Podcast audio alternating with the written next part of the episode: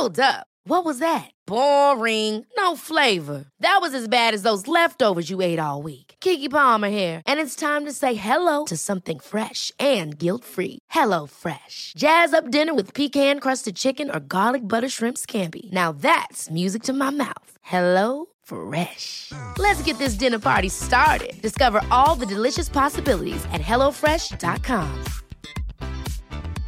Life is full of awesome what ifs, and some not so much, like unexpected medical costs. That's why United Healthcare provides Health Protector Guard fixed indemnity insurance plans to supplement your primary plan and help manage out of pocket costs. Learn more at uh1.com.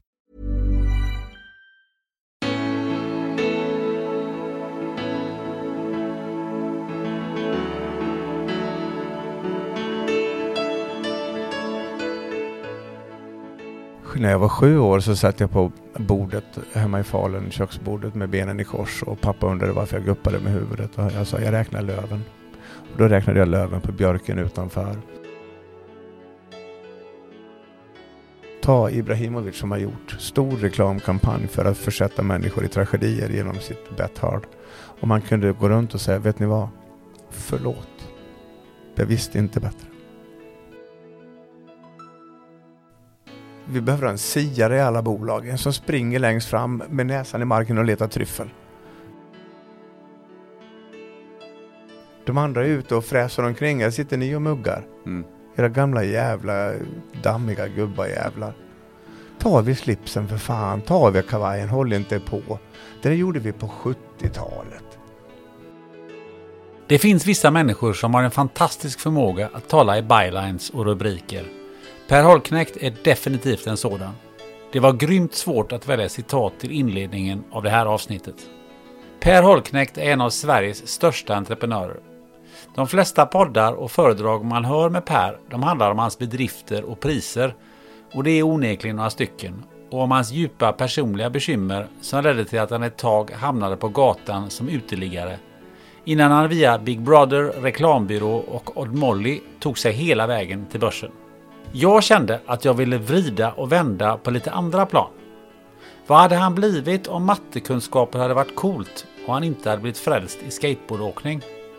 Hur ser han på dagens och framtidens företag, ledarskap och rekryteringskonsulter? Varför räknar han trappsteg? Vad lärde han sig av att ta flygcertifikat? Och sist men inte minst, vad driver honom i kampen mot spelbolagen? Det och lite till, det ska vi snacka om närmaste dryga timmen. Per Holknekt, välkommen till podden Spännande möten. Tack och god dag. Tack och god dag. Ja, jag är lite andfådd efter en lång promenad hit. Ja. Ja, ja, men det var gott att få sig en promenad. Ja, jag börjar bli en gammal människa och då måste man hålla blodcirkulationen igång. Så Ja. jag promenerar väldigt, väldigt mycket. Ja. Har du fått eh, det du behöver idag? Eh? Jag har eh, kollat in att det är cigg 3 och, och kaffe du går på. Ja, kaffe, tre och cigg brukar jag lite, lite skojsamt säga att Ja. jag har ätit till frukost. Och Ja. det stämmer väl till viss mån. Ja. Men eh, det är ju så, jag har ju en massa, ska vi kalla det destruktivitet i mig. Jag tycker att det är rimliga destruktiviteter då jag har tagit bort ganska mycket annat ont ur mitt kära lilla liv. Så att eh, jag har förlikat mig med det faktum att jag ingalunda är en perfekt individ utan jag gör det jag skall för att må okej. Ja, ja men det är väl härligt. Är det inte lite, man ska säga, om man är 60 så är det så är det, det som är sex, drugs and rock'n'roll? Jag tycker att vara 60 år är um, lite sorgesamt i ty klockan tickar och uh, vår begränsade tid uh, inte är oändlig. Um, samtidigt så må jag väl ändå säga att när jag sitter här vid 60 års ålder så är det ganska skönt. Jag tycker att livet just nu um, berättar väldigt mycket för mig om, och min egen historik. Jag har ju liksom haft ett väldigt innehållsrikt liv och jag ser tillbaks till mig själv på, på, på mig själv som 40-åring eller 45-åring när man per definition då skulle vara i sitt esse och man skulle stå på karriärpyramidens topp och man skulle vara så, så bra man bara kunde bli. Och det blir nästan med ett litet hånleende jag ser tillbaks på mig själv hur ringa utveckling en individ ändå har lyckats uppnå vid vid respektfulla 45. Utan jag vågar nog påstå att jag har nog inte ens nått min peak än. Nej, men det, är, det är gott att höra Ja, för att ja. jag är ju jag är ett år äldre än vad du är. Så att, det är eh, ganska skönt att ja. se. Det är lite, jag, jag drar lite på munnen när jag ser karriäristerna kring 40-45 strecket där någonstans Mm. uh, utmåla sig själv som jordens gud allsmäktige och en till och jag förstår att de 15 år senare kommer att förstå att det var jag ju inte alls. Men är det lite så här som, som jag kände när jag liksom runt att fylla 60, det var det här att eh, man började någonstans förstå det du sa alldeles nyss, att livet är ändligt. Ja, det, så är det och det, det är ju det, det, nu kan ju livet ta, ta, ta slut fortare än så genom ödets kära nyckfullhet. Vi har väl till mans vad jag förstår i storleksordningen 30 000 morgnar att vakna och fatta Mm. förståndiga beslut för att fylla våran Okej. tid. eh, Så. Men det som är skönt vid 60 års ålder tycker jag, det är att man släpper nog lite grann sin, sin ängslan. Man, eh, man har inte samma eh, intima relation till spegeln längre. Man, eh, man ser andra värden i livet. Man har fått uppnå så pass mycket att man har förstått. Jag själv har haft den stora, stora ynnesten att förstå att eh, de stora drömmarna vi har som unga om vart vi vill med våra liv, om rikedom och skönhet och berömmelse och symboler för vår framgång och allt det här med stora läppar och båtar och fan och hans moster. Jag har fått komma dit. Jag har varit där och eh, haft allt jag hade drömt om och jag förstod väldigt, väldigt tidigt att, att eh, lyckan fanns inte där. Nej. Och det är nog min, min viktigaste insikt eh, längs min krokiga väg. Så det känns ganska bra att fylla eh, 60 på något sätt. Ja, eftersom jag nu har ett ganska gediget facit. Jag har, ehm, jag har mina ärr, jag har mina rynkor i mitt kära ansikte som snarare skvallrar om hur jag har levt. Det är så man ska ha det va? Ja, det är många, många bekymmersrynkor och många skrattspår. Ja. Det.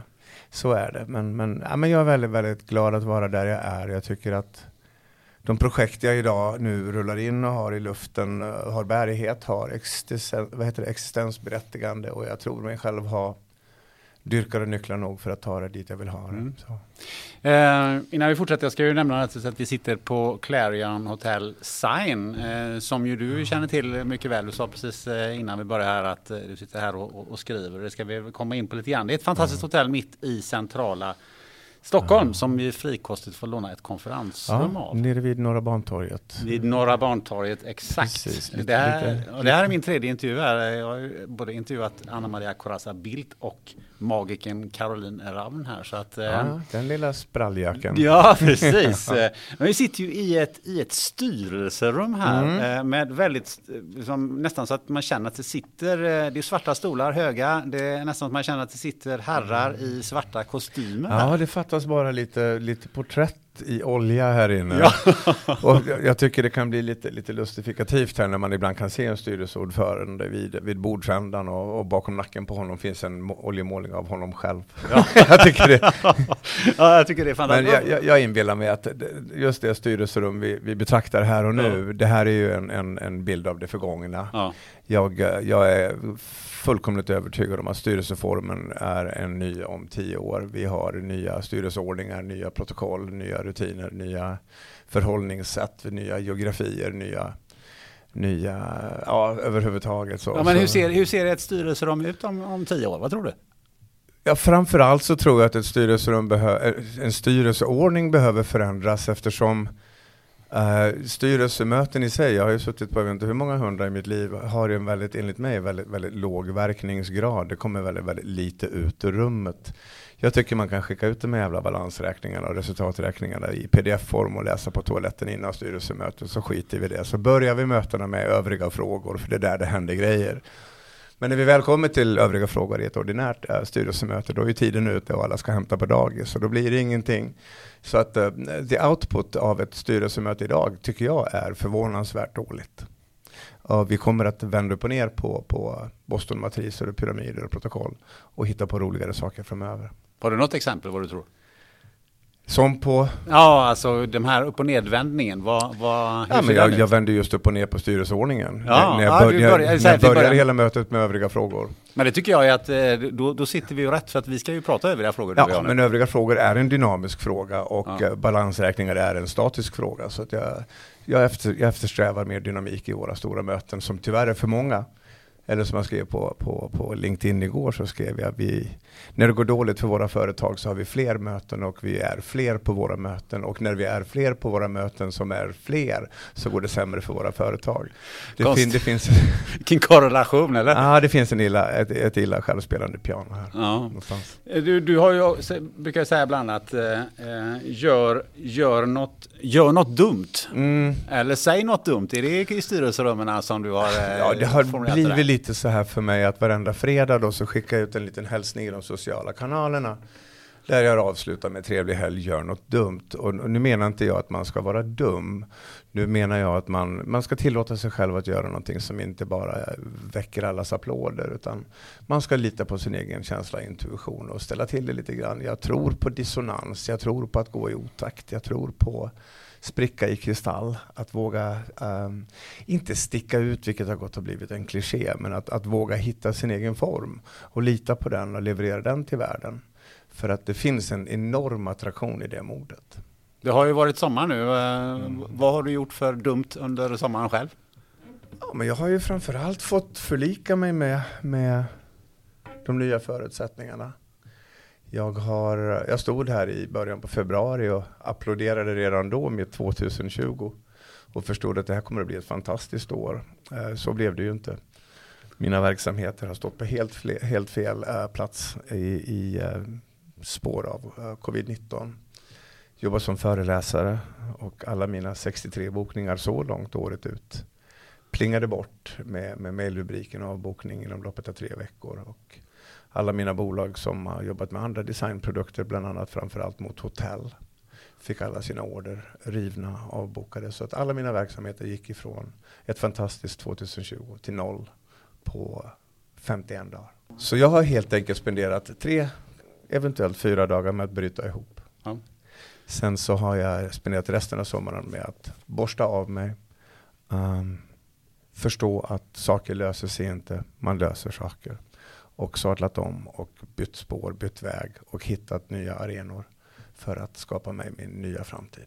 Men jag gjorde något liknande. Jag, jag fick också ett sånt eh, bryt och kände under tre dagar att oj, oj, oj, hur ska det här gå? Mm. Eh, sen stängde jag av alla eh, Tekniker. all tekniker, alla mejlnotiser, alla, framförallt notiser från eh, nyhetsmedia och så här som jag har haft i min telefon. Och sen så ägnade jag mig åt att eh, öka mitt nätverk på LinkedIn. Ja, du ser. Ja, det har, rätt, eh, det har fungerat rätt bra. Ja, jo, ja, men det är ju så här att liksom när saker går sönder så får man vara ledsen. Men sen så måste man ta tag i det. För att människor säger, ja men det, det blir bra sen, det löser sig till slut. Men det gör ju inte det. Nej. Man löser det själv. Ja. Så då måste man faktiskt vidta åtgärder. Och då handlar det om tre saker. A. Eh, samla in information. B. Bearbeta, analysera information. C. Sätta en action plan. Ja. Då måste du förstå hur ligger landet nu? När vi går in i en helt ny tillvaro, en helt ny värld. En, ett helt nytt affärslandskap. Nu måste vi skapa bolag som skapar gott för vår gemenskap. Vi måste tjäna pengar på att göra fina ting, inte fula ting.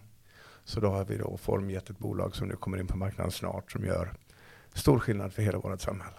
Ehm, jag tänkte så här, fråga dig, vad, vad är viktigast för dig? Ehm, kunskap eller fantasi? Eh, nej men kunskap för mig är egentligen eh, extremt oviktigt. Eftersom eh, i accelerationen av kunskap så är ju kunskap kan till och med vara en av våra största fiender idag. Eh, framförallt eh, kunskap ihop med erfarenhet. Man måste kunna deprogrammera sig själv varje morgon och ta till sig den nya kunskapen för gårdagens kunskap kan vara värdelös idag. Så jag har väldigt, väldigt lite tillit till kunskap. Jag tror inte på kunskap. Jag tror på fantasi och framförallt lyhördhet. Att suga till sig, att ta till sig av allt det nya. Och det här är ett problem som vi som är lite äldre har. För unga människor har mycket, mycket lättare att adaptera, att ta till sig uh, nya förutsättningar snabbare i sidled. Vi är stelbenta, tyngda, likt Viking Line av gamla ryggsäckar fulla av kunskap och erfarenhet som egentligen vid dagens slut kanske är helt värdelös. Ja. Vart jag vill komma är, det här är ju ett eh, citat också av, av Einstein. Eh, som säger det att eh, fantasi är, viktigare än, än, kunskap. Och vart jag vill komma lite grann det är ju att ha bra betyg i skolan och att det hade varit eh, man ska säga, en, en, någonting som man får eh, tjejer på. Och om du inte hade hittat skateboarden istället, hade mm. du och haft din samma fantasi, hade, hade du lika gärna kunnat vara ett nobelpristagare i fysik? Det tror jag säkert. Det är jag helt övertygad om. Uh, nu fick ju inte jag några tjejer i högstadiet för att jag var bra på matematik och fysik, ja, så det var ju mitt problem. De ville ha killar som kunde slåss. Ja, det ja. kunde inte jag. Nej, men jag tror så här, ibland så har ju dessutom min fantasi varit för bra för mitt eget bästa. Den har legat steget före. Den har uppfunnit saker som har blivit förbjudna för att det har varit för bra och så vidare. Och så vidare. Ja, vadå? Ja, allt ifrån en minigolfboll när jag var 13 år som var så bra så att Svenska min barngolf numera förbundet förbjöd den. Så att, uh, ja. Vad var det så magiskt med den då? Oj, orkar du höra? Nej, kortversionen kanske.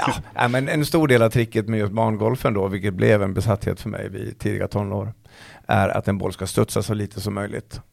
Mm. Och då på den tiden i alla fall så släppte du då en, boll, en boll från en meters höjd mot stenhårt underlag. Och sen mätte du den då i hur många millimeter den studsade tillbaks. Och därvid lag så, så långt tror jag det fanns en boll som studsade två millimeter som var bäst och mitt mål var att uppfinna en boll som studsade noll. Och det gjorde jag. Med, med en liten kombination av en, en hålighet i boll och, och kulor som föll med olika hastighet och tog ut varandra och så vidare. Så, så den blev förbjuden ja. när de kom på mig.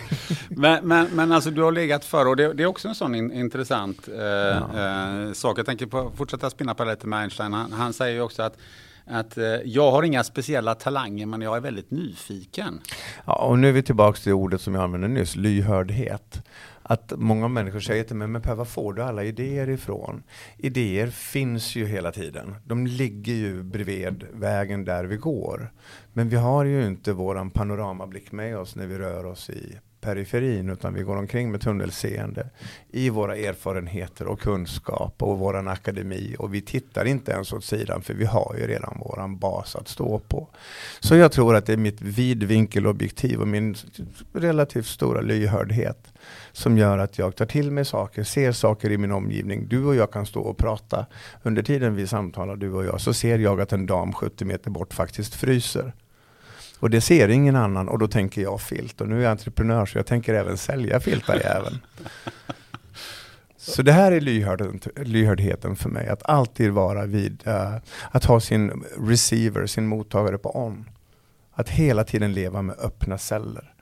För att det här jobbar jag framförallt med när det gäller människor när jag jobbar med människor i mitt lag, att se deras längtan efter att få bli sitt bästa jag, komma till sin rätt, att bli sedd, bekräftad, ges möjlighet till utveckling.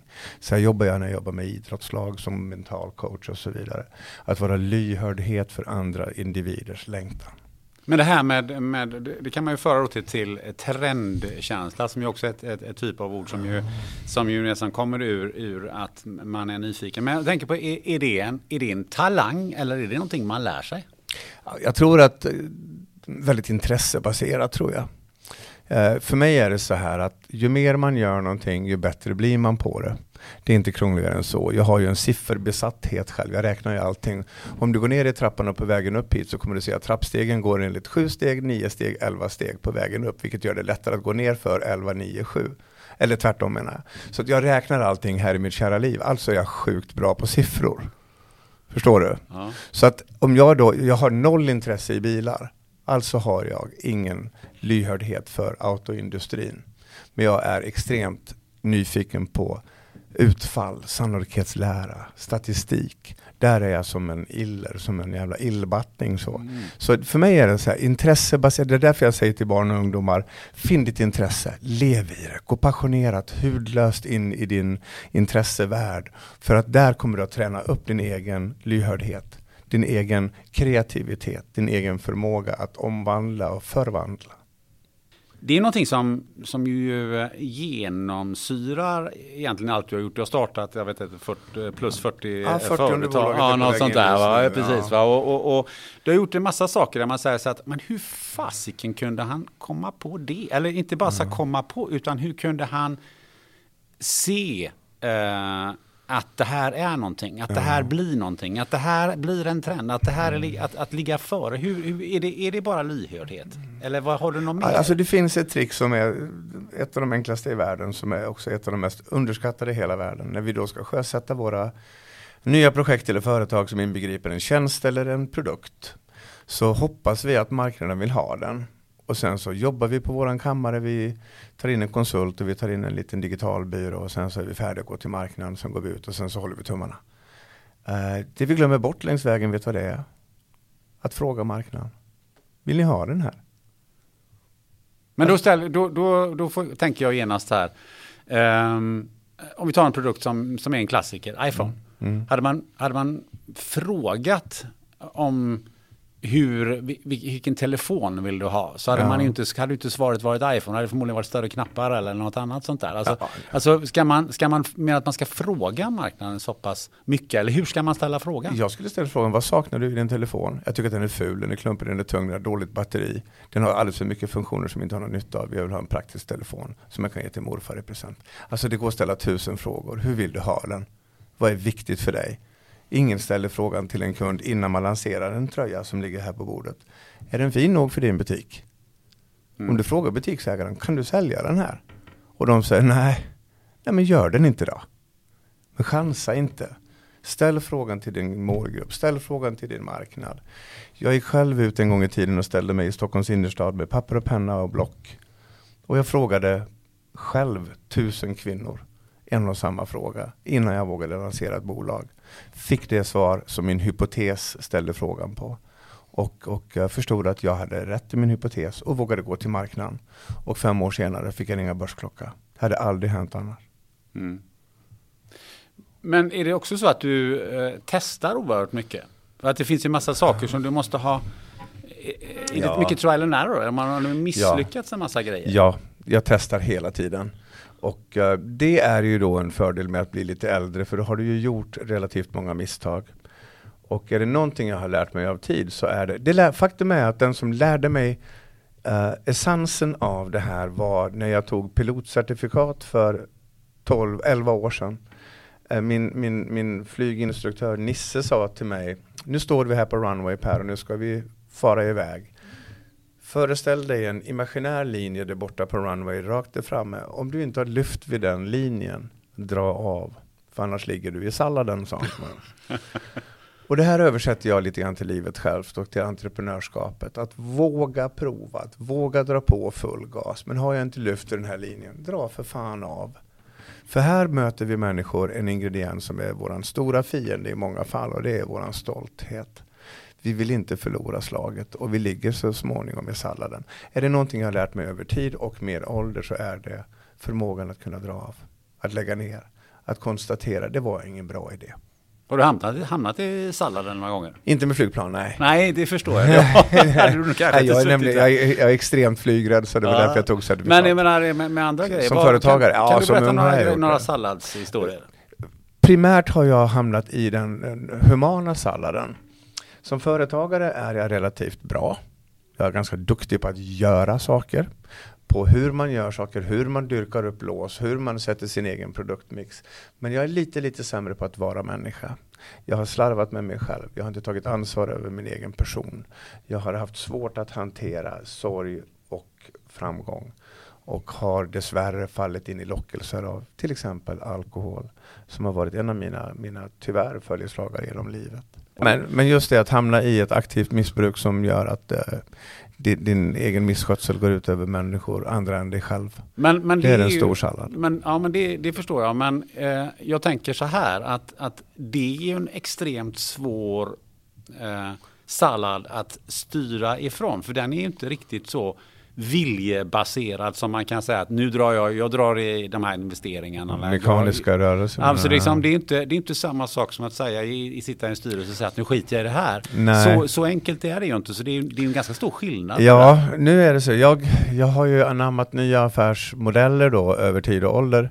Och idag så försöker jag i största möjliga mån att, att aktivera nya företags och bolagsidéer i en form som gör att den icke blir sårbar. Det vill säga, jag försöker att så långt möjligt är undvika fasta kostnader.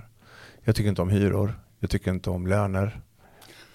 Så att jag kan mer eller mindre i mina lagbyggen uh, om en idé hamnar till exempel under covid-19 på lite grann skuggsidan av affären så kan jag trycka på paus och jag har ingen taxameter som står och tickar och går.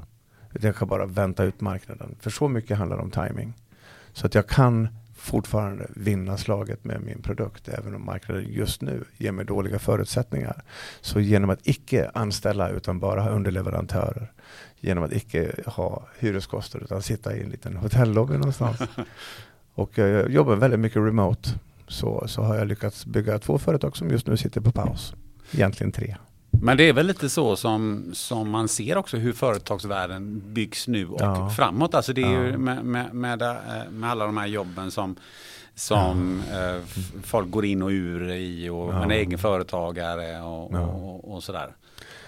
Ja, det händer mycket nu. Det ska bli väldigt, väldigt spännande att se. Men, men det är ju så här, det som händer nu, det stod ju, det, det, det stod ju i stjärnorna. Det var, fanns ju i kikaren. Mm. Det kanske skulle komma tre år senare.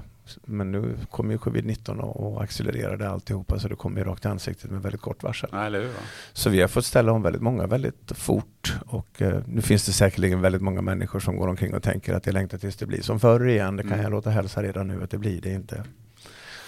Utan vi får liksom snällt och ödmjukt uh, anammar våra nya förutsättningar och, och jobba enligt det. Men eh, vad jag tänker på också det är ju att du har ju tagit eh, oerhört många, många segrar. Jag vet att du, du ja. har ju, eh, gjorde en ganska lång eh, lista som ju inte var på något sätt eh, eh fullständig mm. i, när du fyllde 60. Det var allt från, från tårtmästerskap till Ålands fiske till flipper och, och, och allt vad det är, kläder och tidningar och så. Det, det, har ju varit extremt många och väldigt stora segrar. Men hur, hur har du hittat den driv Eh, kraften. Har du hittat, har du sett att du ska besegra yttre saker eller är det dig själv du har besegra? Um, ja, men alltså, den här lilla pojken som vid unga år växte upp i Falun med en mor som var högt uppsatt inom skolväsendet, en far som var högt, högt uppsatt inom polisväsendet. Jag hade ögonen på mig, jag hade verkligen, verkligen en stram uppväxt med höga förväntningar. Jag var duktig i skolan, hoppade över klass, gick med, med elever som var äldre än jag hela min barndom, hade på det en sen pubertet. Var lite för bra på matematik för att få hångla. Och uh, jag hamnade långt ner i hierarkin bland de tuffa killarna och, och där också så kom mitt självförtroende också att bli som det blev. Så att jag har hela mitt liv på något vis kämpat för att hinna ifatt med mitt självförtroende och min självkänsla som alltid har varit lite grann i, i underläge. Vilket då för många människor kan bli en undergång. Men också för många människor, likt mig själv, då kan bli en drivkraft. Så att jag har hela tiden, dessvärre, tyvärr, sökt bekräftelse på att jag faktiskt visste är bra nog. Genom att då försöka lagra segrar på varandra för att berätta för världen att se då, jag är visst någon att ha. Nu kommer det till saken här att min kära terapeut, en fantastisk kvinna, som sa till mig för sex eller sju år sedan, hon sa uh, det är hög tid Per att du upphör att söka din bekräftelse utifrån och söker den i dig själv. Det är hög tid att du lär dig älska dig själv på riktigt. Att du får en relation till Per, för han är inte så jävla dum ska jag lova dig. Så hon sa till mig, nu åker du till landet så sitter du där ensam. Och jag åkte till landet, jag lyder allt hon säger. Jag är livegen inför henne. Och efter tre dagar så skickade jag ett sms. Jag var som en kära du, äh, det här är hemskt, det är jättetråkigt, jag är ensam, vad ska jag göra? Hon sa, var kvar en stund till. Tre dagar till, skriver samma sak. Hon säger, stanna kvar en stund till. Du kommer snart att få träffa en människa du inte har mött på väldigt, väldigt länge. Och mycket riktigt, helt plötsligt så började jag då få kontakt med mig själv. lärde mig uh, att umgås med mig själv, att vara ensam, att, uh, att vinna kraften ur mig själv, icke genom andra. Och uh, sen den dagen så har jag helt upphört med att tacka ja till alla dessa premiärer man blir bjuden till. Jag har upphört med att så långt möjligt är vinna bekräftelsen utifrån och umgås mer med mig själv och människor som verkligen betyder någonting för mig. Det känner jag också ibland, att, eh, eller många gånger, att, att eh, vi är ganska dåliga på att bekräfta varandra. Väldigt dåliga jättedåliga. Och vet du vad, om vi nu ska prata ledarskap för ett ögonblick så är det liksom för det första, chefen är död. Det kommer inte finnas chefer om tio år heller. Styrelserummen är nya och cheferna är borta. Ledarna är på väg in. De som vet hur man driver ett lag, de som vet hur man bygger ett lag, de som vet hur man skapar verkningsgrad och output och resultat genom andra människor, icke genom sig själv. De är på väg in. Lars Lagerbäck sitter för fan på bänken. Var han bättre än spelarna på plan så skulle han stå där och sparka mm. boll själv. Vi måste lära oss våra platser. Nu glömde jag bort din fråga. För Nej, jag, jag, jag, det var mer en reflektion över att vi vi allmänt sett är ju ganska dåliga på att, ja, på, att på, uppskatta, att, ja. att, att, att, Men att bekräfta. Vad? Som företagsledare, att gå fram till en medarbetare och säga Fan, jag ser hur du kämpar. Jag förstår och vet du vad, lägger hand på axeln och säger keep, it, keep the fire burning jag måste gå hem nu, men vet du vad, kan du fixa det här till imorgon bitti? Och det, om du ger en sån här människa möjlighet till att bevisa sig själv, de kommer ta den alla dagar i veckan, om du går hem. Står du kvar och övervakar kommer det aldrig att ske. Nej. Så bekräftelsen är den starkaste och enklaste tillväxtmetoden för människor i sitt lag. Och då undrar man liksom, hur svårt kan det vara? Ja, och vet du vad, vet du vad det bästa av allt är? Nej. Det är gratis. Ja, precis. Eller hur? Jajamän. Men varför har vi så svårt för det då? Vad är, vad, är, vad är mekanismen där tror du? Jag vet inte, jag har ju inte svårt för det själv och jag kan berätta så här, jag har anställt jag vet inte hur många hundra människor i mitt liv. Och jag har alltid sett människor i ögonen och frågat mer frågor om hur det går för lille Jonathan, nio år, i fotboll, Brommapojkarna, match på fredag, hur tror du det går? Än att fråga eh, Ingrid hur det går med Excel-arket, bla bla bla. Pratar du med människor på människors språk så bygger du gemenskap. Inte en människa har hittills sagt upp sig under min ledning. Inte en människa har sagt upp sig. För jag ger dem värde. Vilket för in mig lite grann på, på tanken. Eh, jag har ju sett att du eh, har haft eh, lite eh, polemik med, eh, med rekryterare och, och, och, den, ja. och den världen. Ja. Och, och vad, vad, vad, har, hur, hur, ser du på rekryterare? Nej, men jag tror att det, det, är nog mer jag som är gammal sur och bitter tror jag. För att det, det ja, men, över åren, jag har alltså då, jag tycker att jag har någonting att, att, att leverera. Jag tycker jag har ett ganska starkt CV.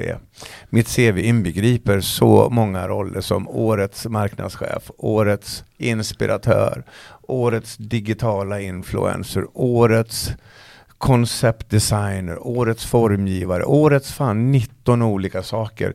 Det här är saker som bekräftar att jag åstadkommer saker. Nu är det så här att rekryteringsbolagen, de har ju ingenting i deras mallar som, där det står årets. så de här sorteras ju bort. Och de finns inte och allting faller tillbaks på akademi. Nu har jag en unken liten marknadsekonom diplom eh, IHM i botten. Men det är, liksom, det är ju min svagaste merit. Det är ju bara ett papper. Det är bara lite kunskap som är gammal idag. Philip Kotlers jävla 5 mm. P finns ju inte längre. De är ju fan 9 P idag. Så, så att jag är lite vrång på uh, de människors vägnar. De som skulle kunna göra sån otrolig skillnad för samhälle och lagbildningar i olika former, arbetsplatser, som inte kommer in för att rekryteringsbolagens trånga, gamla, dammiga mallar inte släpper igenom uh, runda klossar genom fyrkantiga hål. Men är, vad är hönan och lägget där? Är det uppdragsgivaren eller är det, är det själva rekryteringsbolagen? Vad tror du? Jag tror det är, det är nog gamla, det är gamla uh, seder och traditioner, så har vi alltid gjort. Det är så här det, det, så här det fungerar. Ja, jag rekryterar, till exempel just nu, jag håller just nu på att rekrytera utvecklare till mitt bolag och jag vill jobba med människor som jag tycker om. Och jag fick 47 ansökningar på ett par dagar, tyvärr bara killar. Och, och jag sitter och tar intervjuerna själv. Mm. Rakt av. Jag vill inte ha någon, för jag inbillar mig att jag, min, mitt resultat av min rekrytering skulle bli tiofalt sämre om det gick igenom en rekryteringsfirma. Jag skulle aldrig vara i närheten av att komma till den människa jag vill ha. För då skulle de sitta och skumma CVn och meriter och förkortningar och språk som jag inte förstår. Eh, så. Så att, eh, jag, har, jag, har, eh, jag har föga, föga vördnad för det processen. Men det kommer ju såklart rekryteringstekniker ehm, som kommer att springa förbi de här gamla betongmodellerna. Ja, för jag, har haft lite liknande mm, upplevelser att, nu har inte jag sprungit jätte, på jättemånga rekryterare, men, men jag upplever... Ja, jag får inte ens komma till dem. Nej, men jag, de gångerna man har fått komma till dem så, ja. så är de så, så känns det som att det är väldigt dåligt pålästa. De, de, ja. de är knappt läskunniga eftersom de inte har läst det man har skickat in. Nej, men de, de har sina mallar. Så det, så det är, och, och sen är väl en annan sak också att man, om vi är tillbaka till det här äh, mänskliga och, och, och, att ha kontakt och så vidare. Att, att jag menar, man, man är ganska dålig på att svara, man är dålig på att följa upp och man är mm. dålig på att säga tack för att du eh, hörde av dig. Ja. Och sen ja, ja, i allra högsta grad dessutom, vilket påminner mig om att jag måste tacka nej till väldigt många människor här innan helgen. innan, de, innan de blir sura ja. på mig. Men sen finns det det här också att det finns en liten detalj i rekryteringsvärlden som jag har lite åsikter om och det är manligt och kvinnligt. Mm. Um, vem rekryterar vem för vad? Ingen har någonsin tagit det i åtanke kön när vi ska hitta olika positioner. Vem som rekryterar, är det man eller kvinna som rekryterar man eller kvinna för den här typen av jobb. Det finns så mycket mer att göra. Men framförallt släng era gamla mallar och börja liksom höja blicken och idka lite lyhördhet. Ja. Få lite feeling. Feeling är liksom underskattat. Jag tänkte styra eh, lite på, du, du sa det här med, med, med trappor. Eh, att, att du hade koll på hur många trappsteg du var på, på vägen hit upp. Och du, du, vad jag förstått så har du koll på de flesta trapporna här i eh, Stockholms innerstad. Ja, inte alla, men många. Eriksbergsgatan till, till Karlavägen 10, 11, 10, 11. Jo, jo, nog har jag så här. Men det här är ju bara, det, det, det var en hemlighet i mitt liv fram till för ungefär sex år sedan. Ja. Som jag höll för mig själv. Ja. Men hur, hur många tror du hade slått dig i den tävlingen? Ja, men just trappbiten vet jag inte om någon hade slagit mig på här i stan. Men, men jag är envis också. Jag promenerar ju mellan kanske 15 och 20 000 steg om dagen och de stegen räknar jag när jag är ute och går. Och jag har flugit mellan New York och Las Vegas eh, 6 timmar, 21 600 sekunder och räknar sekunderna baklänges från start till landning och så här. Så att, ja, men jag håller på, men, men det hjälper min matematik, det gör mig snabb i huvudet. Och sen, när, sen när jag sitter i en förhandling då med någon eh, check förkortning, någon CEO, CFO eller annan officer, så, så är det väldigt tacksamt för mig att ha min snabba huvudräkning, för då sitter det då fem herrar i väldigt tjusfulla kostymer i samma rum, så säger då ordföranden att han ska bara gå ut och hämta miniräknare ett ögonblick. Och under tiden han är borta så viskar jag svaret till gruppen så får han komma tillbaka och stoltsera med att han minsann har klarat av det här medelst miniräknade. Så. så det är lite roligt, men ofta så spelar jag på underskattning. Jag vill att folk ska underskatta mig, för det ger mig ett enormt överläge i förhandlingar. Mm. Det är lite Stordalen över det? Kanske. Jag har förstått att han är också mm. spelar the underdog. Ja, det, det är lätt att få folk att sänka gard. Finns det något tvångsmässigt tycker du i det där? Att, att, du, att du måste räkna de här stegen? Ja, ja men vet du vad, det finns också någonting lugnande i det för mig. Mm. Så att du, när jag var liten, jag var väl kanske åtta år. När jag var sju år så satt jag på bordet hemma i Falun, köksbordet med benen i kors och pappa undrade varför jag guppade med huvudet. Och jag sa, jag räknar löven. Och då räknade jag löven på björken utanför. Och sen kom det en vindpust så fick jag börja om och sen så slutade med att jag svimmade. Och jag kunde, ja, men jag kunde sitta på provräkningar, provräkningar i tvåan i skolan och räkna prickhålen i gipstavlorna i taket på skolsalen och glömde bort matematiken helt. Ja, jag räknar allt. Ja. Tyvärr. Eller tack och lov. Nej, tack och lov. Ja. Men eh, jag tänker på eh, pengar. Mm. Eh, det har du ju också eh, räknat, både många och, ja. Eh, och, och lite pengar. Ja, det är lättförgängligt. Det är lättförgängligt, ja. ja.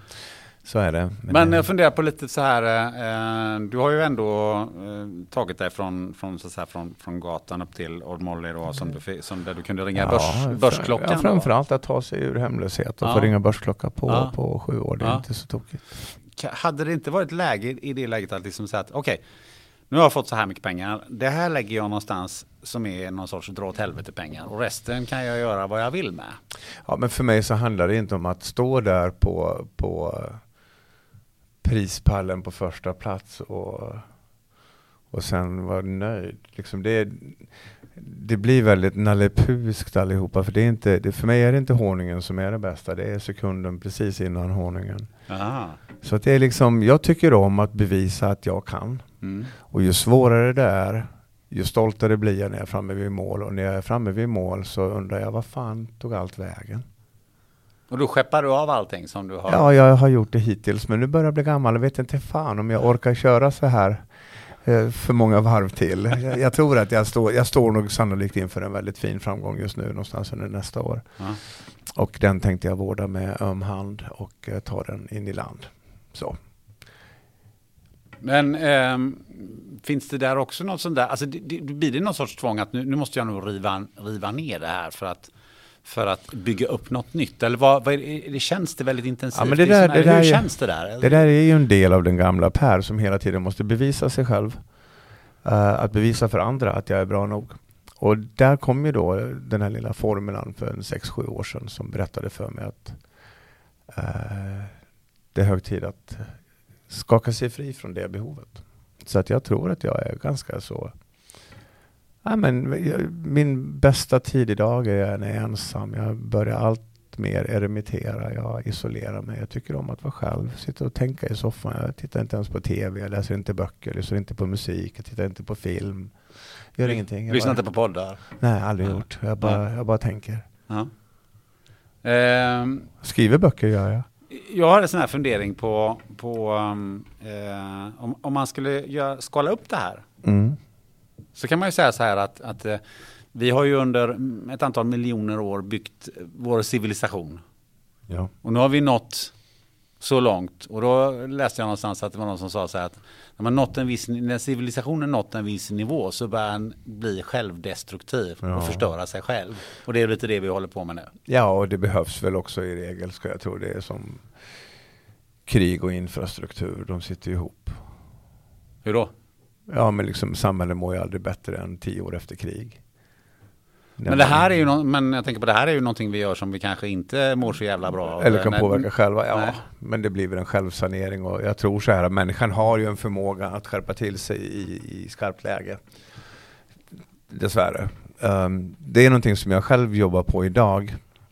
Jag har lärt mig att jag i det mest utsatta livsläge jag kan vara i sannolikt är som starkast, är som bäst. Man plockar fram superkraften som gör att den här kvinnan kunde lyfta en lastbil Mm. hennes lille son låg under dess hjul. De här superkrafterna försöker jag idag att efter bästa förmåga med mina egna små tekniker att utveckla även i fredstid. Att kunna känna den här superkraften även när allting är okej.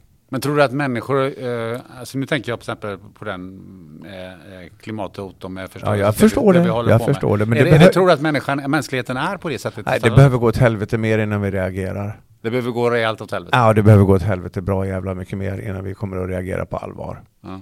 Det är som ett, det är som ett fyllo. Ja, jag ska sluta dricka. Och så låter man bli en stund och så tar man ett järn och sen så förlorar man jobbet och så tar man ett järn för att bedöva. Så går det längre och längre ner. Till slut så bor du i skogen. Där någonstans kanske du har två val. Ändå så skärper det till eller så tar det livet av dig. Den risken är ju att eh, det kan vara något för sent? Med, Det vet jag inte. Det, där, Det är en spekulation bara. Där lämnar jag livet till, eller allting till forskare som kan sånt långt bättre än jag. Men, men jag tror att våra kära samhälle, vår kära miljö kommer nog att behöva gå sönder ordentligt bra jävla mycket mer innan vi reagerar på allvar. Uh, och nu, nu bor väl tacknämligen vi då, kära små uh, svenskar i en geografisk position där Life is full of what ifs. Some awesome, like what if AI could fold your laundry?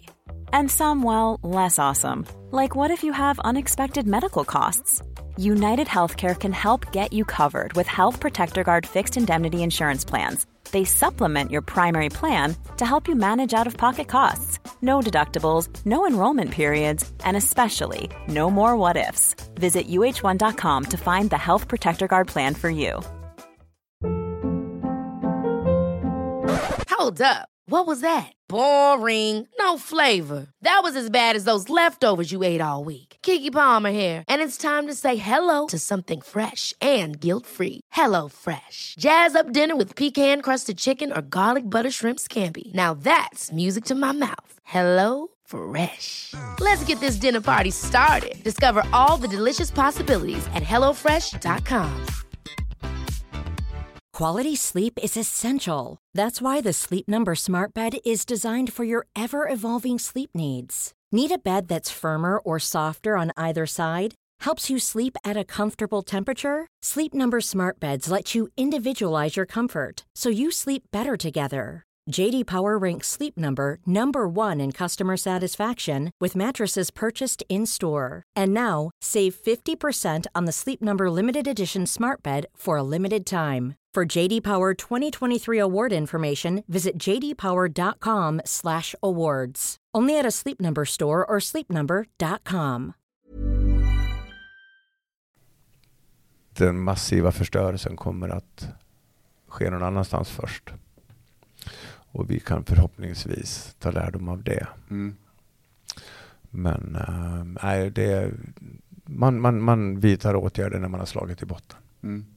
Den, den, det här som du, nu är vi inne på det här med lite där självdestruktiva och så vidare. Jag tänkte föra in det lite på, är, är det här någonting, eh, för det här har ju för din del både fört, fört in sig i, i, i eh, självdestruktion och i, i, alkohol som vi har varit inne på några gånger och, och även i spel. Ja. Beroende, och då, då tänkte vi föra in det här samtalet igen på, på det du håller på med just nu. Men eh, ja. just när det gäller att, att, att um, föra den här eh, vad ska man säga, kampen mot, mot spelbolagen. Är det här en, en typ av människa? Är det här liksom spelbolagens guldkalv? Den här typen av person som, som, som är som, som du? Eller hur? Ja. Är det, är det, I allra högsta grad. Det är, är det någonting som som, de flest, som de tjänar mest pengar på? 2000, år 2017 i Sverige så levererade 1,5 procent av spelbolagens kunder stod för 75 procent av deras vinst. Och det är de som är som jag. Men hur håller man dem kvar? Hur funkar det där? Kan du berätta Spelbolagen? Det? Ja, Men de, de, alltså, spelbolagens viktigaste kund är ju missbrukaren. Mm. De lever ju på missbrukarna. Det är ju deras. Det är de som köper de, de dyra båtarna till spelbolagens ägare i Marbella. Det, det, så är det ju bara. Mm. Det, det, är missbrukarna, det är självmordsfamiljerna som betalar för det här. Uh, och, och, och därom råder ingen som helst tvekan. Och de behåller ju en spelare som en sådan med allehanda tekniker. Jag menar, jag själv har ju spelat bort astronomiska siffror på spel. Bara hos just då Kindred Group så har jag ju då petat in 55 miljoner kronor i deras system över åtta år. Det är väldigt mycket pengar som har pikat på 13 miljoner samma år. Um, ja, det, det är skoningslöst, plus alla andra spelbolag där jag också har rört mig förstås. Mm. Men hur går det till? Hur håller, kan du berätta lite? Ja, hur, det, det, hur håller de dig kvar? Alltså, hur funkar det? För det första, man? när du har spelat tillräckligt mycket, eh, tillräckligt länge och spelbolagen vet att nu tjänar vi pengar på den här kunden, då blir du VIP-kund. Då blir du kontaktad av deras VIP-avdelning som, som kontaktar dig och gör det till VIP. Så när du blir VIP så förstår du att du är missbrukare. Så snart det står VIP på ditt visitkort ifrån uh, Unibet eller från Betsson, då vet du att du är inte VIP, du är missbrukare. För det har deras AI listat ut. Mm. Och då är du deras absolut viktigaste kund och de slåss med näbbar och klor för att inte förlora dig. Utan de hoppas att du går och lånar pengar av ditt företag och spelar för när dina egna slut. Att du uh, pantsätter kärringen. Att du uh, går till uh, Baltic Inkasso och lånar lite pengar där så att de kan köpa en ännu finare båt i Marbella, uh, Unibets ägare. Men hur gör de då? Vad, vad, ja, erbjuder de jag, grejer? Eller vad ja, men lek med tanken så här då. Jag uh, spelar, uh, normalt sett så sätter jag in 40 000 kronor per dag, vilket jag gjorde 2012, snitt sju dagar i veckan, mm. 40 000 in. Det är mycket pengar. Uh, sen får man då någon djup depression när man förstår att allting håller på att rinna ifrån mig. Jag håller på att försätta mig själv i en livskatastrof. Och i, i skarpt läge så säger du till dig själv, nu får det fan vara nog. Jag orkar inte längre. Det här kommer inte att gå. Jag håller på att förstöra. Jag har precis förlorat frun. Jag har förlorat eh, relationen till släkt och vänner. Um, när jag har fattat det här beslutet så kan jag då sitta där i kanske 24 timmar, 36 timmar och känna att nu fixar jag det här. Då är det mer regel än undantag att, att Unibet ringer och säger hej, det här var Kristoffer eller Marie från VIP-service. Vi bara undrar hur du har det. Uh, har du spelat någonting? Går det bra? Går det dåligt? Förresten innan vi lägger på, logga in på ditt konto. Hörru du, vi har en present till dig. Så loggar man in och så sitter det 5000 spänn där igen. Så har de då satt nålen i armvecket på en igen, sen in i mörkret en gång till. Och så där håller de på och kämpar på för att aldrig förlora de här 1,5 procenten som är spelmissbrukarna som de kallar för VIPs för att de står för deras stora lönsamhet. Varför är det så um, få som ändå relativt sett få som, som uppmärksammar det här eller som Nej, sätter ner foten? Eller som... Problemet i den här världen är att när du befinner dig i, i den mörkare sidan av spelvärlden, när du börjar hamna på livsminus, så lever du i enorm skam. Skuld och skam. Och den här skammen gör att du vågar aldrig berätta för någon förrän det är för sent. Du har redan tagit fram hagelbössa. Jag vet inte hur många självmordsbrev jag har fått uh, från, från förtvivlade makar, hustruar, barn, föräldrar efter mitt inslag på Dagens Industris lilla tv-station uh, eh, förra veckan. Jag har fått 8, 9, 10, 11 brev från familjer där någon i familjen har tagit livet av sig som VIP-medlem på Unibet eller Betsson. Uh, men det, det, det ingår i spelbolagens kalkyl för att det är lönsamt. Men jag tänker på någon som står utanför det här, som inte sitter i, i, i skiten. Men nu, nu, nu tar ju du tag i det här ja. och, och, och, för den här eh, eh kampen. Ja. Eh, varför är det inte fler som har gjort det? Eller vad, vad liksom är, är, det så att man inte känner till Jag tror det? Att eller? några har försökt men man drunknar. Tack och lov nu så har vi kommit till en punkt i, i den digitala utvecklingen när var och en mer eller mindre är journalist. Mm. Det innebär att jag har ganska enkelt och lätt för att få spridning på information om jag har någonting som jag delar med väldigt många andra. Och jag då som nu råkar vara en, en halvskum, lätt offentlig figur har lite mer makt än Beatrice ifrån Värnamo. Så jag använder den kraften jag har i min penna för att föra andras talan som själva inte törs prata högt om det här. Men jag har ett enormt stöd i ryggen och jag gör en stor samhällstjänst. Och det är så här att man kan skratta åt mig och säga vilken jävla idiot som har spelat bort så mycket pengar. Är han fullkomligt dum i huvudet? Och vet ni vad? Ja, mitt i beroendet så är man fullkomligt dum i huvudet. Men när fan blir gammal blir han religiös. Och jag har beslutat mig för, precis som jag gjorde en gång i tiden när jag blev nykter, ge tillbaks till de hemlösa. Till att slåss för de som har det tufft i den här världen. Jag har personligen inget finansiellt incitament. Och jag vill inte ens bryta sönder storägare som Nordea och Swedbank och Första AP-fonden till spelbolagen. Jag vill bara hjälpa de som har det tufft och framförallt förebygga katastrofer alla 18-åriga pojkar och flickor som flyttar hemifrån till slut får de där sparade pengarna från mormor och morfar, farmor och farfar, mamma och pappa. Får med sig 120 000 spänn in i livet för att starta alltihop. Två veckor senare, borta. Mm. Det är så vanligt. Breven kommer till mig hela tiden. Vad ska jag göra? Jag är förtvivlad. Och den som inte har någon att prata med, den tar gärna fram bössan. Och genom att jag nu vågar höja röst, jag vågar ta och mikrofon och föra andras talan så hjälper jag andra människor att våga börja prata om det här. Och därmed så räddar vi liv. Vilka tycker du att du, um, du borde få med dig ur offentligheten? För det finns ju fler människor som, du, som, som borde sätta ner foten som, och, och, och tala som du gör. Ja, egentligen om man fick välja själv så skulle det förstås vara någon som själv har blivit utvald som förespråkare för gamingbolagen och som har låtit sig användas som reklampelare för de här bolagen som helt plötsligt gör tvärtom och tar avstånd. Ta Ibrahimovic som har gjort stor reklamkampanj för att försätta människor i tragedier genom sitt Bethard. Och man kunde gå runt och säga, vet ni vad? Förlåt. Jag visste inte bättre. Mm. Eller Persbrandt. Mm. Höra honom säga, vet ni vad? Kära svenska folk. Från botten av mitt skrynkliga hjärta förlåt. För det är ju människor som själva kommer ur en miljö eller har haft en, en, en problematik som, som, som borde förstå ja. mer än andra ja, kanske. Ja. Eller? Ja, men de hänger ju på samma strand i Båstad och Tylösand och Saint-Tropez. Så att de, de är ju polare när de dricker bubbel på Peppes. Men vad, hur tycker du att eh, investerarna sköter sig? Alltså jag tänker på banker, jag tänker på, på fonder och så vidare. Vad tycker du de borde göra? Jag gick ju precis till första AP-fonden och sa jag vill se hur mycket pengar jag har i pensioner hos er. Och sen så fick jag en lista på det så sa jag jag vill ta bort mina pengar från er. Jag vill inte vara med längre. För jag vet att ni sätter mina pengar i, i, i bolag som, som förstör liv. Och eh, där, därvidlag vill jag inte längre dansa med er. Jag uppmanar alla människor att överge alla investerare som har stora ägarpositioner i gamblingbolag som har som enda syfte att tjäna pengar på människors elände. De här 1,5 procenten. du har ju skickat ett, ett, en öppen eh, uppmaning bland annat till Kerstin Hessius som ju är vd ja. på AP-fonden. Har ja. du fått något svar? Ja, svävande. Svävande. Har du fått något svar av någon av de här? Har, har någon sagt ja fan Per, du har rätt, vi, vi drar in dem här? Ja, jag har fått svar. Jag, jag har fått svar ifrån uh, Swedbank och Robur.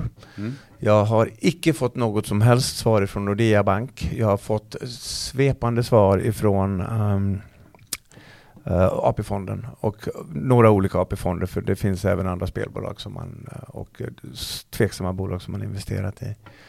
Uh, vad som sägs ifrån de här bolagens sida låter jag vara osagt eftersom det här är en, ett halvt kapitel i alla fall i den bok som jag släpper här i höst på Bonniers eller Bazaar förlag. Du kan inte avslöja någon som har sagt japp Per? Vi, nej, drar, vi, nej. Drar, vi drar ut pengarna, eller, eller? Nej, men jag blir extremt glad när jag förstår att blott en månad och en halv, jag har inte en aning om jag har haft någon påverkan på den här, men när jag ser till exempel stora fondförvaltaren Alecta tydligt deklarera att vi drar oss ur. Vi vill inte dansa med sådana här vargar längre. Det är klart. Over. Och jag tror att fler banker, jag uppmanar banker och pensionsförvaltare Tänk pensioner som folk har sparat till. Tänk om våra kära pensionärer visste var pengarna fanns. Mm. Så jag uppmanar människor att gå och fråga din egen pensionsförvaltare. Var är mina pengar? Vad skapar de? Flytta, flytta pengarna, ta bort pengarna, ta bort kapitalet, flytta pengarna från Nordea. Säg nej, färdigt. Byt konton, avsluta, gör fucking slut med bankajäveln. Vilken roll tycker du idrottsvärlden har i den här? Jag kan inte ekonomin i hur uh, idrottsvärlden tjänar pengar på spelbolagen, vilket de ju tydligen måste göra som sponsorer. Svenska Spel är med där och Unibet står på sargen på, på de tomma arenorna och så vidare. Och framförallt så ligger media idag och lever på annonsmaterial från de här bolagen. Så de som egentligen äger media, det är ju spelbolagen. De äger ju Expressen, de äger Aftonbladet. För Expressen och Aftonbladet skulle aldrig för sina liv våga skriva ifrågasättande material om de här spelbolagen, för då tappar de annonsörer. Nej, det är ju som idrottsrörelsen. Båda två sitter ju lite i, eh, de sitter ju i en riktig rävsax där. Ja, de har röven där den inte ska vara. Aha, och, de har, och, de har, dessutom något jävligt olämpligt i röven. Kan de få det? riktigt ugly. Nej, men det, det, finns en, det är skitiga företag, det är bara smuts. Men det finns en annan aspekt i det här som jag har funderat på. Det är ju att eh, eh i Sverige, i alla fall har det varit så tidigare att, att man har ju blivit mer hjälteförklarad om man har vunnit på Lotto ja. än om man har varit en duktig entreprenör och tjänat ja. bra med kulor. Ja. Finns det någonting här i, det, i, i grunden att, att, att, vinner du på spel så, är det, så, så applåderas du? Um, kanske, kanske. Alltså en mekanism där tänker jag. jag. Jag tror att det är skillnad på själva kicken i att spela till att vad du kan göra om du vinner. För att den som vinner, framförallt när vi går in på spelmissbrukare, alltså en spelmissbrukare som sitter då och lägger in 30 000 spänn på en match, när matchen är över, det är inte det att den växlar in sin vinst på 60 000 kronor och sitter inne på banken och går ut och köper en fin kostym och en tveksam moped. Det man gör med vinsten är att man skickar in den på nästa spel. Mm. Så, så, att liksom, du tar inte hem vinsten. Vinsten du gör eventuellt blir ju bara bränsle till en högre insats och en högre kick, en större dos heroin. Mm. Eh. Så det, det, av storspelare, det finns ingen längre som slutar spela på topp. Det sker inte, det finns inte, det har aldrig existerat en spelare. Möjligtvis en lycklig lottovinnare från Mjölby som köpte en lottorad för 14 spänn. Mm. Men av de som spelar dagligdags, ingen har någonsin slutat på topp. Ingen. Zip zero. Vad hoppas du och, och, och, tror och vad ser du framför dig om några år? Hur, vad, vad, tror du att, eh, tror att eh, de har dratt sig ur? Eh? Det är så här, om vi backar tillbaka i historien, går tillbaka i tiden, 20 år i tiden, så ser vi till Fortune 500, världens 500 största bolag för, för 20 år sedan. 250 av dem är borta idag. Man har inte tagit den nya tiden på allvar. Jag ser att eh, många industrier kommer att försvinna. Det tar lite tid. De kommer att bli avslöjade. De kommer att eh, motas bort. Jag träffar regeringen imorgon, jag träffar socialförsäkringsminister eh, Shekarabi klockan 14 imorgon. Vi ska samtala om det här väldigt, väldigt stort. Om man får komma till det bordet så börjar det bli allvar på riktigt. Eh, inbokat sedan länge. Jag tror att vi kommer att hamna i en situation där eh, även så eh, affärsvärlden blir självsanerande. I den fjärde industriella revolutionen finns det inte plats för Monsanto. Det finns inte plats för spelbolag. Det finns inte plats för Volkswagens gamla fusk. Allting kommer att bli avslöjat. Det låter som en fantastisk framtid. Ja, det ser ljust ut även om miljön kommer att gå sönder först. Ja, men eh, hur, många, hur många spelare ska få gå sönder innan det här händer? Ah, det är ju det är sorgesamt så att det, alla går ju sönder som har hamnat i, i VIP-kategorin. Alla som är VIP-spelare på, på Unibet är, är eh, dessvärre destinerade till att gå sönder. Men vad, vad, vad, säger du till dem som, som alla de här breven och alla de här allt det här som du hör och, och, och, och ser och, ja. ähm, och, märker. Vad, ja. vad, vad, vad, kan man säga till dem? Man, hur, hur, tar man sig ur det? Vad, vilka råd kan du ge? Jo, vad gör du? alltså så här då. Jag har en nära vän som har en pojk som är 18 som just har bränt alla sina gå in i livet pengar Uh, jag känner inte människan väldigt väl, men jag gick till den här pojken så sa jag till honom att nu ska du och jag tillsammans logga in på en dator, sen ska vi gå in på någonting som heter spelpaus. Sen ska vi medelst ditt mobila bank-id så ska vi blockera dig från spel. I samma ögonblick som du klickar godkänn så ska jag föra över 5000 kronor till dig. Jag känner knappt pojken. Och det har vi gjort. Då har vi räddat ett liv. Mm. Man gör små saker i taget. Men det finns något som heter spelpaus som hjälper långt. Nu håller jag själv på, min nya affärsresa här bygger på att hjälpa människor som har hamnat i ekonomisk kris. Som har fått finansiella uh, minussaldon i livet. Och jag bygger en produkt som ska hjälpa dem till, till, tillbaks i livet. Du sa ju här, eh, Arabi nyss, han, han är också med och petar i ett spelbolag, Svenska Spel. Ja, absolut. Um, finns det en det finns en problematik, hur ser du problematiken? Det finns en stor motsägelsefullhet i det här förstås. Jag kommer dit i mitt ärende och det är mitt intresse i det här fallet. Och jag går inte till uh, uh, honom för att prata om sånt som han inte är förberedd på. Det är ganska strama regler. Det förstår jag, men jag tänker på om vi lyfter det från, från, från det här då, så är det ju ändå så, är det skillnad tycker du på, på Svenska Spel och Unibet till exempel? Uh, för det första så tycker jag nog att eh, som spelare kan jag berätta här och nu att det var fullkomligt ointressant att spela på Svenska Spel som storspelare för det, för? Går, det går knappt. Det är för små insatser, det är för jobbigt, det är för omständligt, det tar för lång tid, det är för många kuponger. Så därvidlag är Svenska Spel bara helt värdelöst. Om du är storspelare. Du, om du är storspelare och du vill skjuta dig i huvudet så gå till Unibet, gå till Betsson. Så, så Svenska Spel har en, en, en, ett krångligt system för att spela mycket. Uh, sen så att de sen har sina egna små habrovinklar inom staten med lotterier och promotionkampanjer för sånt som kanske är tveksamt inför gamla lotterilagen. Det. Men är det lite som, eh, som Systembolaget då? Alltså att man, man ändå håller det, man låter folk eh, dricka men man håller koll, koll på det?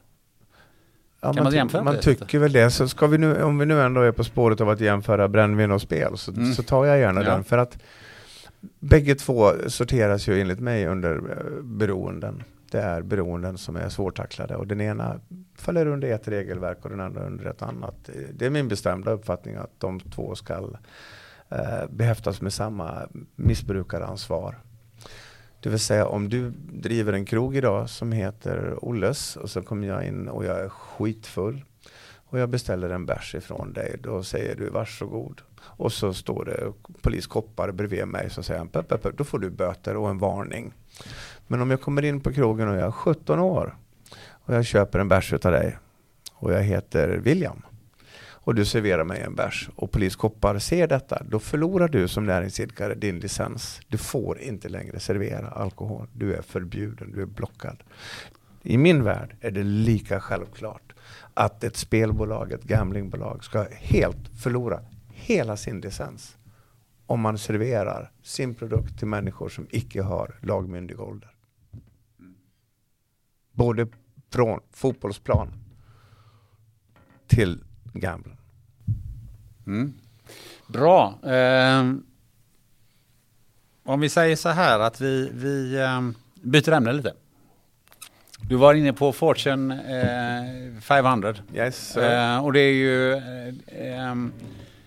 Ehm, är det fler bolag som du tror kommer att eh, försvinna därifrån? Som inte, har med, som inte är Monsanto eller spelbolag eller något sånt ja, där? Vi står ju inför en intressant ekonomisk ekvation. Um, jag tillhör generationen som har skrattat lite grann åt de unga veganerna och aktivisterna och miljökämparna och sagt att ja men vad gulligt att ni köper era små dyra soppor för 114 spänn. De här blir fler och fler. De färgar av sig till syster och pappa och moster och farmor. Och den här unga generationen som vi lite grann har fnyst och skrattat åt, de blir fler. De kan komma, eller vi kommer att komma till en punkt där de är i majoritet. Och Det som händer med en produkts pris i korrelation till dess volym är att ju mer du säljer, ju billigare blir den. Och det kommer oundvikligen att komma till en punkt när den kvalitativa, rena, friska produkten via den nya majoriteten konsumenter blir billigare än den gamla smutsiga produkten som säljer för lite och blir den dyraste och sålunda kommer att dö. Vilka du sen sorterar under den döden, det kan du gissa själv. ja, men det, det, är det är väl inte bara den utvecklingen utan det måste finnas en, en, alltså en jag tänker på en, en teknisk utveckling, en AI-utveckling ja. Eh, och, och, och, den typen av utveckling som också borde ju påver rimligen påverka. Ja, eftersom många företag idag skrattar lite grann och tar inte heller AI och 5G och digital utveckling på allvar. Precis på samma vis som Facit inte tog den elektroniska skrivmaskinen på allvar eller Kodak inte tog digitalbilden på allvar och fick skicka ut 272 000 personer på måndagen och mata duvor, konkurs. Mm. Alltså vi måste ju ta det här, anamma, det är det som är den fjärde industriella revolutionen. Det är att förlika sig med, acceptera och använda, utnyttja digitalisering, teknikens framfart som är så otroligt snabb idag att du inte får gå in i den med kunskap utan du måste gå in i den ren varje morgon och lära dig det nya. Det är den ena sidan. Framtidens företag måste anamma och nyttja den nya tekniken, annars är du chanslös. Uh, uh, och B, den framtidens företag måste ha ett purpose, måste ha ett yttre syfte som gör gott för gemenskapen. För även så där så kommer i den gamla kapitalismen som man, Mark Benioff pratade om i Davos, World Economic Forum 2016 när han säger kapitalismen är död som vi känner till den. Mm. Det vill säga den gamla tidens kapitalism där vi ska maximera vinster på miljöns och människors bekostnad om så krävs. Den är på retur. I den nya affären post covid-19 så kommer purpose och passion att vara en stor styrande del som kommer att skapa den trygga plattformen för affärer. Och den smutsiga, det vill, det vill säga fulvinsterna, kommer att skickas ut i korridoren, i, utvis, i skamvrån, utvisningsbåset och vissa i för alltid diskvalifikation. Och jag skulle sätta mitt ena ben på att Unibet som bolag, om de finns om 20 år, aldrig i livet finns inte en stjärna i universum som pekar mot det. De kommer att försvinna. Frågan är bara när. Men om vi tar, om vi tar de här van... Fan vad jag pratar mycket. Ja, men det är därför du är här. Eller? Ja. Nej, men jag tycker det här är intressant. För att, eh, men de bolagen som, som sitter och som lyssnar och säger okej, okay, vi vill överleva. Vad, ja. vad, vad, behöver de? Vad behöver de internt? Vad, hur, hur ska de förändra sig? Ja, men man behöver nog se ett helt nytt förhållningssätt på affären. Man måste ha ett helt nytt synsätt på affärer. Man måste till exempel byta plats på pengar och verktyg. För att om du som bolag i framtiden jobbar för att tjäna pengar så kommer du att stå inför större utmaningar än den som jobbar för att göra bra ting. För den som gör bra ting kommer pengarna att komma som ett brev på posten. Men det finns en ihålighet och en begränsad bärighet till den som bara jagar kapitala vinster. Utan att leverera mervärde till samhället. Men det är ju det man gör till stor del då. Ja, säger att man gör. Ja, men man jagar pengar. Ja, men vad? Kvartalsekonomi. Ja, och det håller ju på, hela gigekonomin den är liksom på svaj. Jag, Men, men jag, jag funderar på, för du har pratat om traditioner och att det, att det, är, ändå som, det är ändå fyrkantigt och så vidare. För jag tänker att i, i de här större bolagen så finns det säkert massa människor som säger men så här kan vi inte hålla på, vi måste göra på något annat sätt. Och så, och så blir man lite revoltör och så vidare. Men kan man, måste man inte lära sig att ta hand om det här och se till att de människorna som faktiskt vill förändra ett bolag Jo, inifrån? här finns det ju så många saker. Vi är så vana vid att vi säger att vi, vi, vi har ju en strategi. Ja. Vi har ju en strategi. Vi måste ha en ny. Och då säger jag och min medförfattarinna Karin Börjesson och Connor för övrigt. Det måste ni inte alls. Ni kan ha två. Vi kan ha dubbla strategier, vilket vi skriver om i boken. Hur då? Ja, det får du läsa boken. Ja. Jag, ska, jag ska inte röja den helt. Nej. Nej, men du måste ju ha, lek med tanken att varje bolag behöver en framtidsminister. Vi behöver en siare i alla bolag, en som springer längst fram med näsan i marken och letar tryffel. Vi måste ha en sån i bolag, i större bolag i alla fall. Mindre bolag, ja då får varje individ koppla in den som en egenföretagare om du nu är ute och, och, och, ska koda åt kommuner eller om du ska sälja eh, köttfärs eller bullar genom fönster. Mm. Du måste ändå vara lyhörd och tänka vad händer sen? Så vi inte står handfallna en gång till när nästa jävla disaster kommer. Jag är stolt över min dotter. Hon köpte ett bageri veckan innan covid slog till. Ja, snyggt. Ja, men hon köpte bageriet veckan innan det small. Ja, ja, men vilket, ändå. ju, vilket ju är en veritabel katastrof. Jo. Och, och samma dag som hon fick veta om det så sågar hon upp ett hål i väggen och sätter ett, ett, eh, försäljning genom, genom väggen fönster. Och är lönsam varje dag sedan dess. Nej, men jag menar, det var det jag tänkte på, att hon har säkert liksom Ja, ja, ja, såklart. vågat. Ja, så att, ja, men sådär. Så att, men, Ja, men, men, men, men, men det är fortfarande så här, vi, vi, vi var också inne på ordet eh, prestige, men prestige, Ja, eh, stolthet. Så, ja, stolthet. Ja, Ja, ja. men vi sitter fort, vi tänker på de här, konf- de här styrelserummen som, vi, som vi faktiskt sitter lite gubbar ja, svårruckat det där. Ja, det är bara. Ja. Ja. men alltså, eh, men, men vad är oddsen för att de ska, eh, för att de ska släppa för en? Så säga att ja, men du, vi får leta upp en framtidsminister. Det är ju, det, det är ju verkligen inte att släppa på handbromsen. Kunden, konsumentmakten. Resultaträkningen. Konkurrenssituationen. De små båtarna kommer att fräsa runt den gamla Viking Line så du kommer att bli yr i skallen. Vinsten längst ner, sista raden. Och när de här gubbarna i styrelserummet ser att fan, vinsten är på väg bort. Vi måste ha fler möten. Vi måste vara fler på mötena. För det går ju inget bra. Och när man blir fler på mötena och har fler möten, ja då går det sämre. Och man är inne i den onda cykeln. Någonstans så har vi en ägar, ett ägarintresse som kommer att ifrågasätta styrelsen. Vad fan håller ni på med? De andra är ute och fräser omkring. Här sitter ni och muggar. Era gamla jävla dammiga gubbajävlar. Ta av er slipsen för fan. Ta av er kavajen. Håll inte på.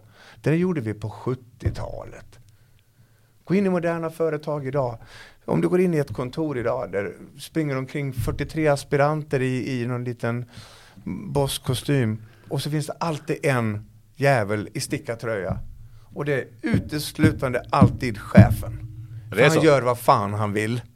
Så för mig har den stickade tröjan gått och blivit den optimala maktpositioneringen. För de andra, de är bara små tjurarna i Ferdinand som drömmer om att komma upp. Springer i sina små kostymer. För att äntligen en dag göra precis vad fan man vill och ta på sig stickad tröja. det var en väldigt underbar beskrivning. Eh, du har ju nämnt din, eh, en kommande bok flera gånger. Jag Ja. tänkte att vi skulle börja avrunda så småningom. Vad, vad, är det, vad, är det för, vad är det för bok? Kan du bara kort berätta? När, Nej, när kommer den? Vad handlar den om?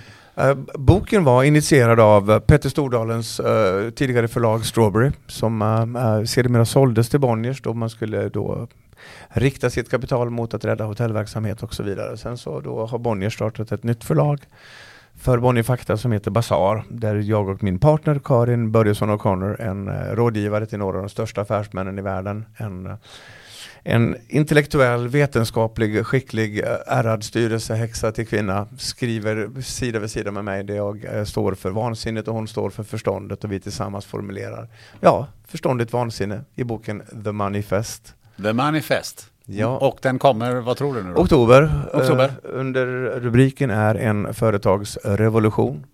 Där vi eh, kommer att highlighta hur vi ska få det eh, röda hjärtat att hångla av den blå hjärnan och försöka skapa bra av dessa två fina egenskaper. Det låter som ett, eh, någonting worth waiting for. Ja, den, är, den kommer att ställa till det. Den kommer få gubbarna i styrelserummet att vrida på sig. Ja. Men vi vill ha 7% fiender av våra läsare. Vad härligt. Ja. Eh, eh, som avrundning så tänkte jag säga att vi, vi ska ta och ehm, skicka med lite kloka ord från Per i podden här. Och då tänkte jag liksom så här att om, om vi tar om vi tar en, en 19-åring som precis har tagit studenten, har precis eh, jobbat färdigt sitt sommarjobb nu här på sommaren och funderar på fan ska jag komma vidare här i livet? Har, du, har du någon bra, vad skulle du vilja säga till en sån person? Ja, jag tror att jag skulle vända mig mot min egen kära mors visdomsord till mig när hon sa till mig när jag var i färd med att flytta hemifrån så sa hon att eh, när du går ut i livet förstå att det alltid kommer finnas större och bättre människor än dig själv. Eh, avundas aldrig andra människors framgång. Styr din egen väg, lita på din egen intuition. Bli aldrig en kopia av andra. Stå kvar där du var född och leverera dig själv till världen precis som du var skapt. För först då kan du tillföra någonting som ingen annan kan. Okej. Vilket, vilken, vilket bra tips. Men om vi, om vi tar 20 år framåt. Du har en eh, 40-åring som, som är mitt i livet med Mm. Villa, vovve, Ja. eh, Volvo, eh, husvagn, Ja. eh, you name it. Och eh, tre barn och jobbar 10 timmar eh, om dagen. Undrar, hur ska det här gå? Ja. Vad skulle du säga till honom? Eller henne? Nej, det blir bra. det är klart det går. Nej, men vägra sluta tro. Alltså, man får ju så här. Man får ju också lära sig släppa taget. Ibland så är man inte nöjd med sin egen situation. Då måste vi lära oss att fucking släppa taget, för då blir man fri. Vill du hitta en ny väg, och jag brukar säga så här, om du nu vill skifta väg, om du är trött på ditt jobb på SKF eller på Volvo eller på på Bisnode eller vad fan du nu sitter och jobbar och du vill styra om, du frestas att starta eget, du har en liten idé du har ihop med grannen Börje, ni kom på den på fyllan förra veckan när ni käkade kräftor och du vill sätta den i jord. Välj inte bort det du gör för dagen som sätter mat på bordet. Omprioritera tiden utanför ditt ordinarie ämbete. Stäng av tvn. Skit i innebandyn. Släng tightsen och ditt jävla bockstyre till cykeln och gå in på labbet och utveckla din nya idé. När den får egen bärighet, släpp det gamla och kliv in i din nya värld. Också ett bra tips. Sen tänkte jag så här att vi tar oss ytterligare 20 år framåt. Ja. Vi har varit som, nu ibland har man blivit så gammal som du och jag. Ja. 60-åringen har bli, precis blivit av med eh, jobbet. Ja. Är rädd för att ingen vill ha honom Ja. eller henne. Hemskt. Hur ska det gå? Hemskt. Hur, hur, hur, det är ingen på arbetsmarknaden som vill ha mig. Jag, jag sitter ju bara hemma. Alltså, hur ska, hur, vad, vad finns Ja, det hemskt. Jag har till och med själv suttit och för första gången i mitt liv finstuderat det orangea kuvertet Ja.